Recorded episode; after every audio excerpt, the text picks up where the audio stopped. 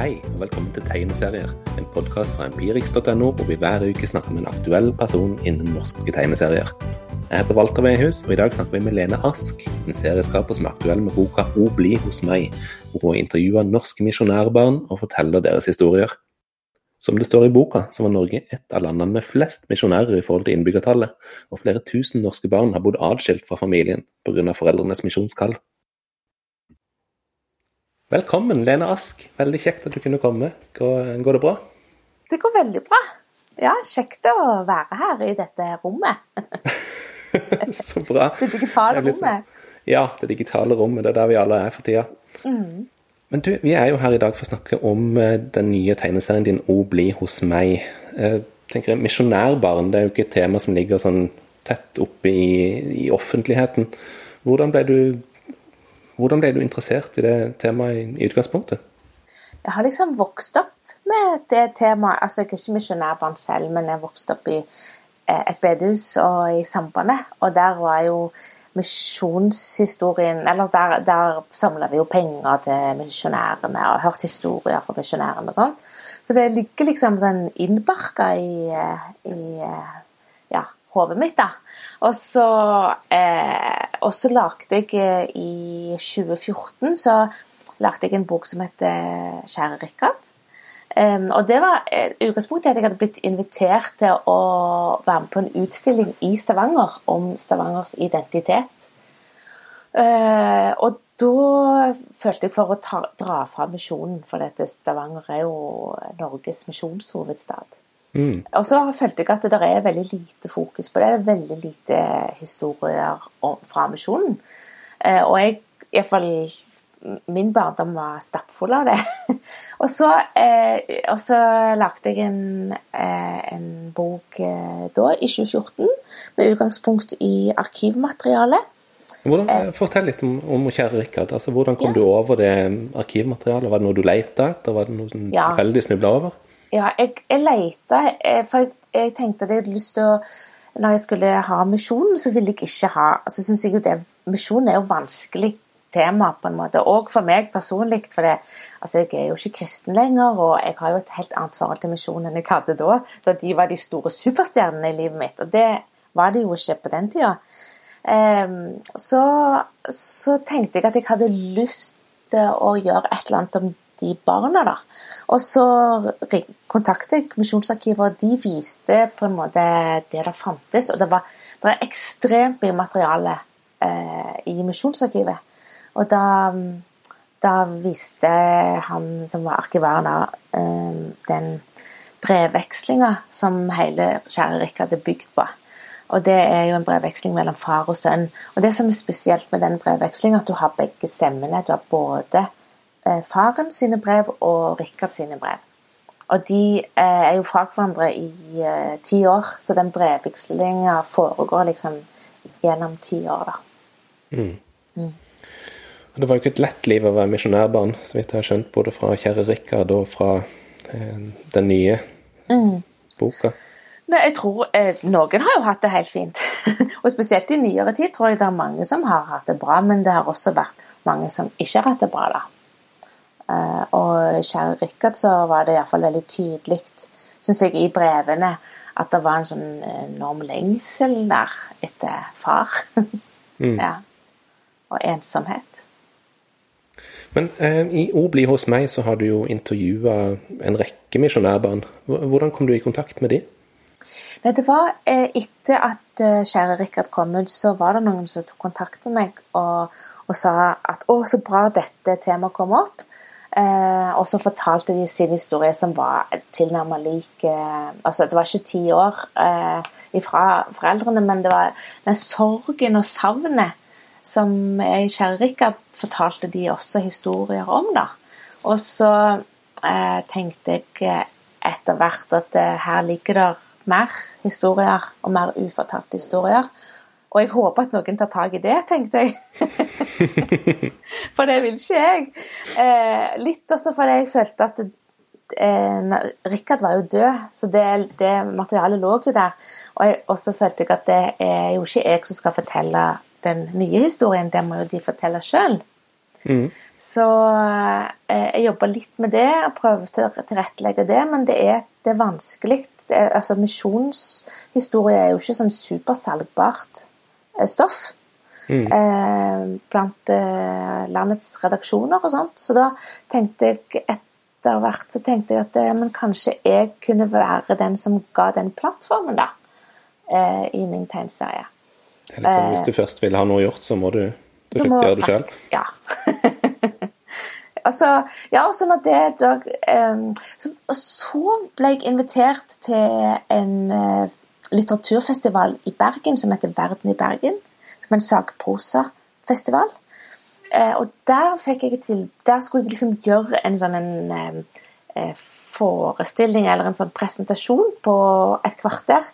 Eh, der jeg skulle fortelle en historie eller ha et essay og sånn. Og da valgte jeg å ha et billedessay der jeg eh, fant fram eh, noen en, Jeg tok utgangspunkt i noen intervjuer som var gjort av Svetlana Aleksejevitsj i De siste vitnene. Eh, det er en bok der hun intervjuer eh, eh, noen som var barn da eh, eh, Sovjetunionen ble, eller Russland ble invadert da, eh, under eh, andre verdenskrig. Og, eh, og det gikk liksom et lys opp for meg. Det da jeg skjønte at jeg også kunne gjøre litt det samme, at jeg kunne intervjue. For jeg likte så godt hvordan eh, For dette, når hun intervjuer, så har du bare den stemmen som forteller.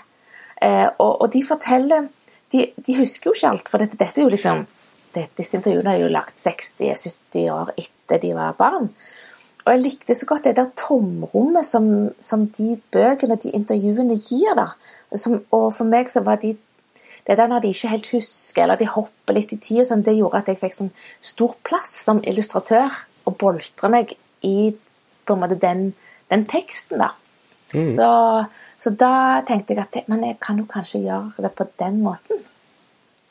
Ja. Så da begynte jeg jo å jobbe litt mer sånn eh, metodisk til verks. Eh, om hvem andre jeg skulle spørre. Og, ja. Mm.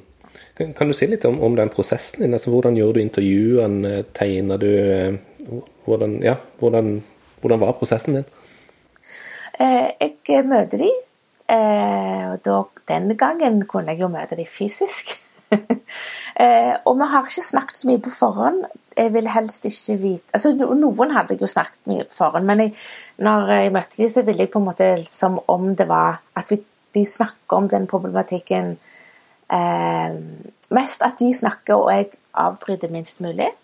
Så tok jeg opp den samtalen, og det var fra en time til to timer. Sånn etter to timer så er, er vi tomme begge to, liksom. Så, um, og så reinskrev jeg, transkriberte jeg det som jeg hadde tatt opp. Og det var veldig rart, for allerede liksom, etter ti minutter når de snakket, så visste jeg hva historie som var i dette materialet. Jeg visste liksom at det, ja, dette kommer til å bli den historien, selv om de ikke var ferdige, nesten. For det, det, det er sånt inntrykk du får når du møter en person, og måten den forteller på hva den tar opp først, som på en måte ofte blir det viktigste. Så når jeg hadde transkribert og hadde teksten foran meg, så, så jobba jeg med teksten da, for at eh, vi skulle må komprimere mest mulig. Ja, Det må ha vært litt av en jobb, for tekstene her er jo veldig, de er veldig små. Det er jo ikke mye, mange ord, egentlig, sammen med, med illustrasjonene. Nei, det, det var en, en, en veldig Ja, det var en, en veldig spennende og gøyal jobb, men også litt stress, da. Og, og fordi det var så mange fine ting som måtte vekk. Eh, Og så, når teksten eh, Jeg hadde bestemt meg for hva tekst jeg hadde lyst til å illustrere, så, så sendte jeg den til de som jeg hadde intervjua. For det var veldig klart for meg at det, de måtte være med i denne prosessen. Det var på en måte et av premissene. For det, litt av problemet de har følt, at det har vært at de ikke har kunnet eie historien sin. At de ikke har kunnet fortelle historien sin for dette pga. at eh, det ville stride mot eh, misjonshistorien og historien til foreldrene. Eller, ja. Så derfor så tenkte jeg at jeg kan jo ikke være en sånn som, som på ny bruker de til min historie. Det må være de som har hånda på historien sin. Så da sendte jeg de til de, og de aller fleste hadde litt sånn kommentarer. Noen hadde eh, kommentarer på at eh, nei, men det er ikke den historien. Den, den følger her For jeg kjenner meg ikke igjen, f.eks. Og da gikk vi litt sånn i sånn forhandlingsposisjon. Eh, der jeg justerte litt, og den andre kom med tilbakemeldinger. Og så, så ja, helt til begge to ble enige, da. Var det bare teksten som de kom med tilbakemeldinger på, eller var det ferdige, ferdige historien med illustrasjonene også? Det var også litt For når den teksten var på plass, så eh, fikk de også se illustrasjonene. For jeg, jeg, kan jo vektlegge veldig mye med illustrasjoner, jeg kan jo manipulere ting. Mm. så det var viktig for meg at de også fikk se den, da. Eh, men der var jeg nok strengere. Der, der, var jeg mer sånn Ja, men det er jeg som er det er jeg som er kunstneren. Det er jeg som er mm. tegneren her. det var ikke at, jeg, at jeg var mye mer æreskjær på det, på den fronten, da. Um, så, det, så, den prosessen er kanskje den, det som har vært mest interessant for meg personlig. Jeg tenker på hvor langt du kan gå for å jenke deg. Altså, hvor, hvor fri er kunsten, da? Mm. Eh, og min egen integritet og sånn. Det syns jeg er kjempeinteressant. Eh, og i spesielt i forbindelse med, ja, med virkelighetslitteratur, når du, når du, faktisk jobber med materiale fra levende personer som, som har interesser og som har eh, så, så, var det kjempeinteressant. Mm, for jeg, jeg oppfattet at jeg kunne gå ganske langt da, eh, i å imøtekomme den andre, uten at jeg følte at det gikk på bekostning av det kunstneriske prosjektet. Jeg gikk mye lenger enn det jeg hadde trodd var mulig. Ok. Mm. Jeg lurte litt på det da, jeg leste altså Én ting er jo selve teksten, selve intervjuene. Sant? Det kommer jo rett fra de. Men mm. um, en, en, del av illustrasjonene ser jo ut som de er basert på fotografier eller noe sånt. For mm. eksempel. mm. Så lurte jeg litt, for det står jo ikke noe i boka hva du baserer uh, illustrasjonene på. Mm. Det, er det et bevisst valg, eller kan du fortelle litt om hvor, uh, hvor illustrasjonene kommer fra? Det, det er litt forskjellig. noen jeg har hatt fotografier fra alle. Mens eh, noen har jo masse album, og, og andre har, har, kanskje bare ett fotografi. Men jeg, jeg, hadde lyst til å på en måte vite hvordan de så ut, da. Prøve å legge meg til. Eller, ja. Og så har jeg sånn de skolene som er illustrert, som det er snakk om, har jeg eh, googla på nettet for å finne at det skal være mest mulig likt, da. Så jeg har tilnærma meg så godt jeg kan en sånn slags virkelighet, da.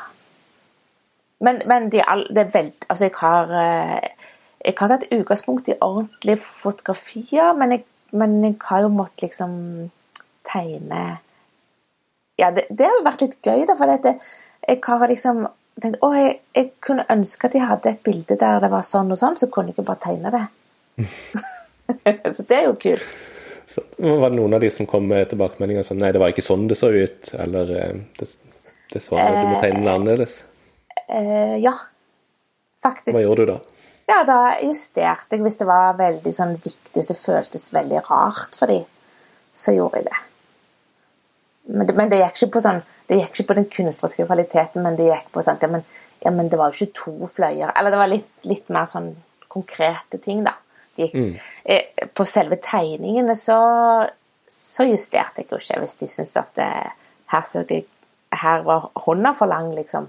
Det, men det var ingen som, som kom med de tilbakemeldingene heller, heldigvis. ok, men det er bra. Her var skyggeleggingen litt sånn uh, slett. Ja, heldigvis så var det ikke tegnere selv. da kunne det blitt lett men eh, hva, hva syns du tegneseriemediet tilførte denne historien? Altså, hva er det som, eh, Siden du fortalte denne historien gjennom tegneserie, mm. Eh, hva, hva, er det det gjør mulig, som ikke ville vært mulig i et annet medium? Nei, det som jeg jo liker veldig godt med tegneserier som sakprosa, er jo at det er som at kort At man spiller på en måte med litt rene kort, hvis du skjønner det. For teksten er dis. Den Altså, jeg har jo selvfølgelig redigert og valgt ut og sånn, men jeg har ikke Det er ikke mine ord, da. Eh, og, og, og, bildene er mine, så, så, alt det jeg legger i eller tolker inn i det de sier, ligger i bildene. Og det vet leseren, på en måte. Det ligger på en måte i det å tegne alle, De ser sporene mine hele tiden.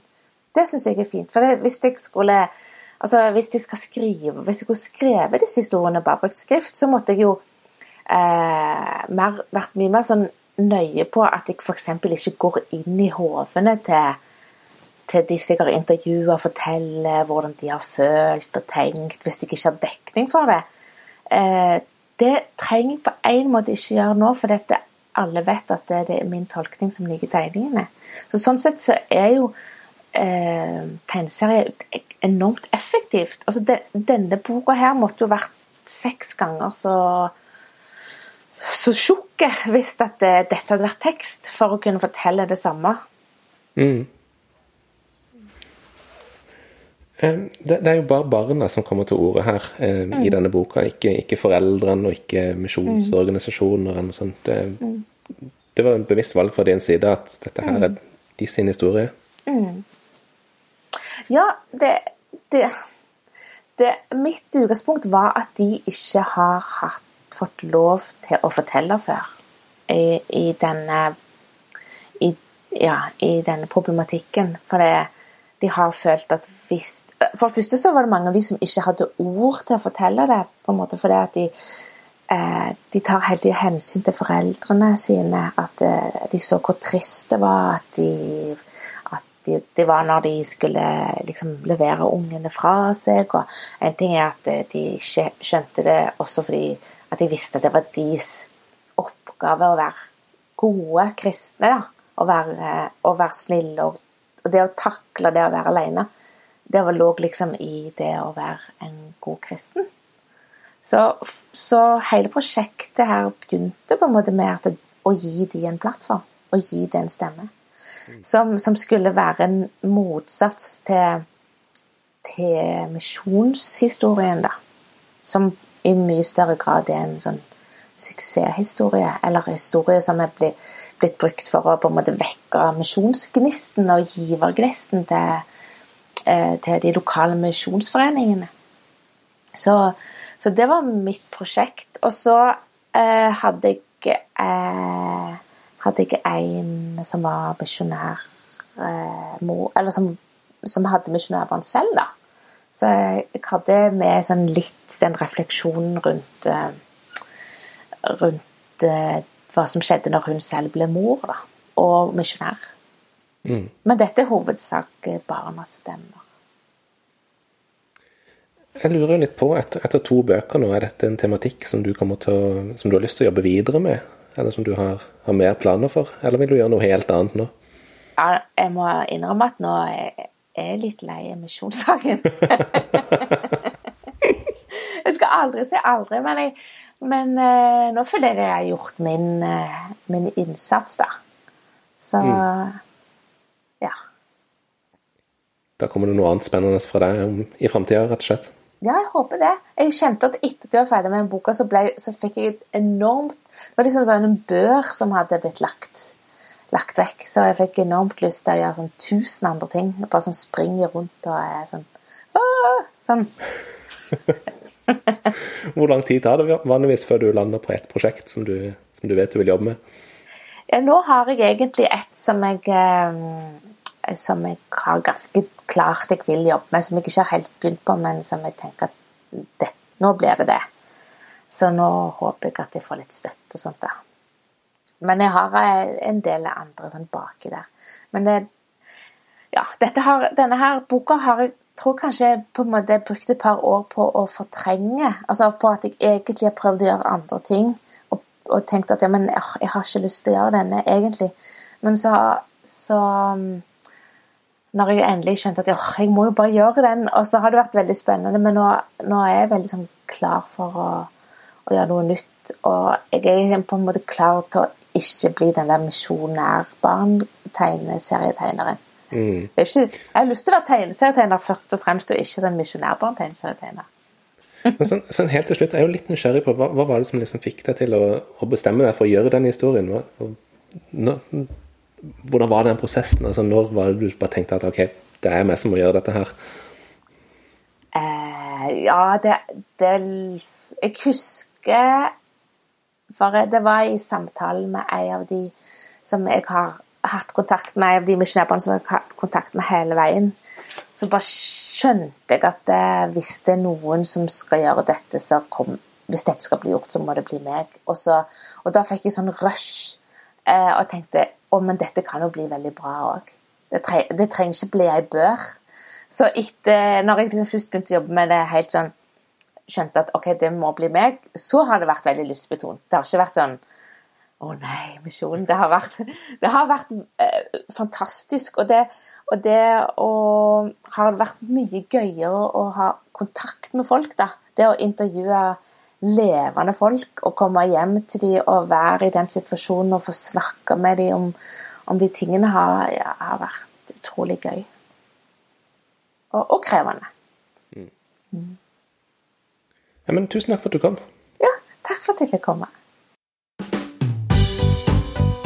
Det var det vi hadde for i dag. Om ikke lenge kan du lese en anmeldelse av O bli hos meg på empirix.no. Du kan også lese om den franske tegneserien Shangri-La i vår splitter nye sci-fi-blogg. Ha det fint, og god lesning.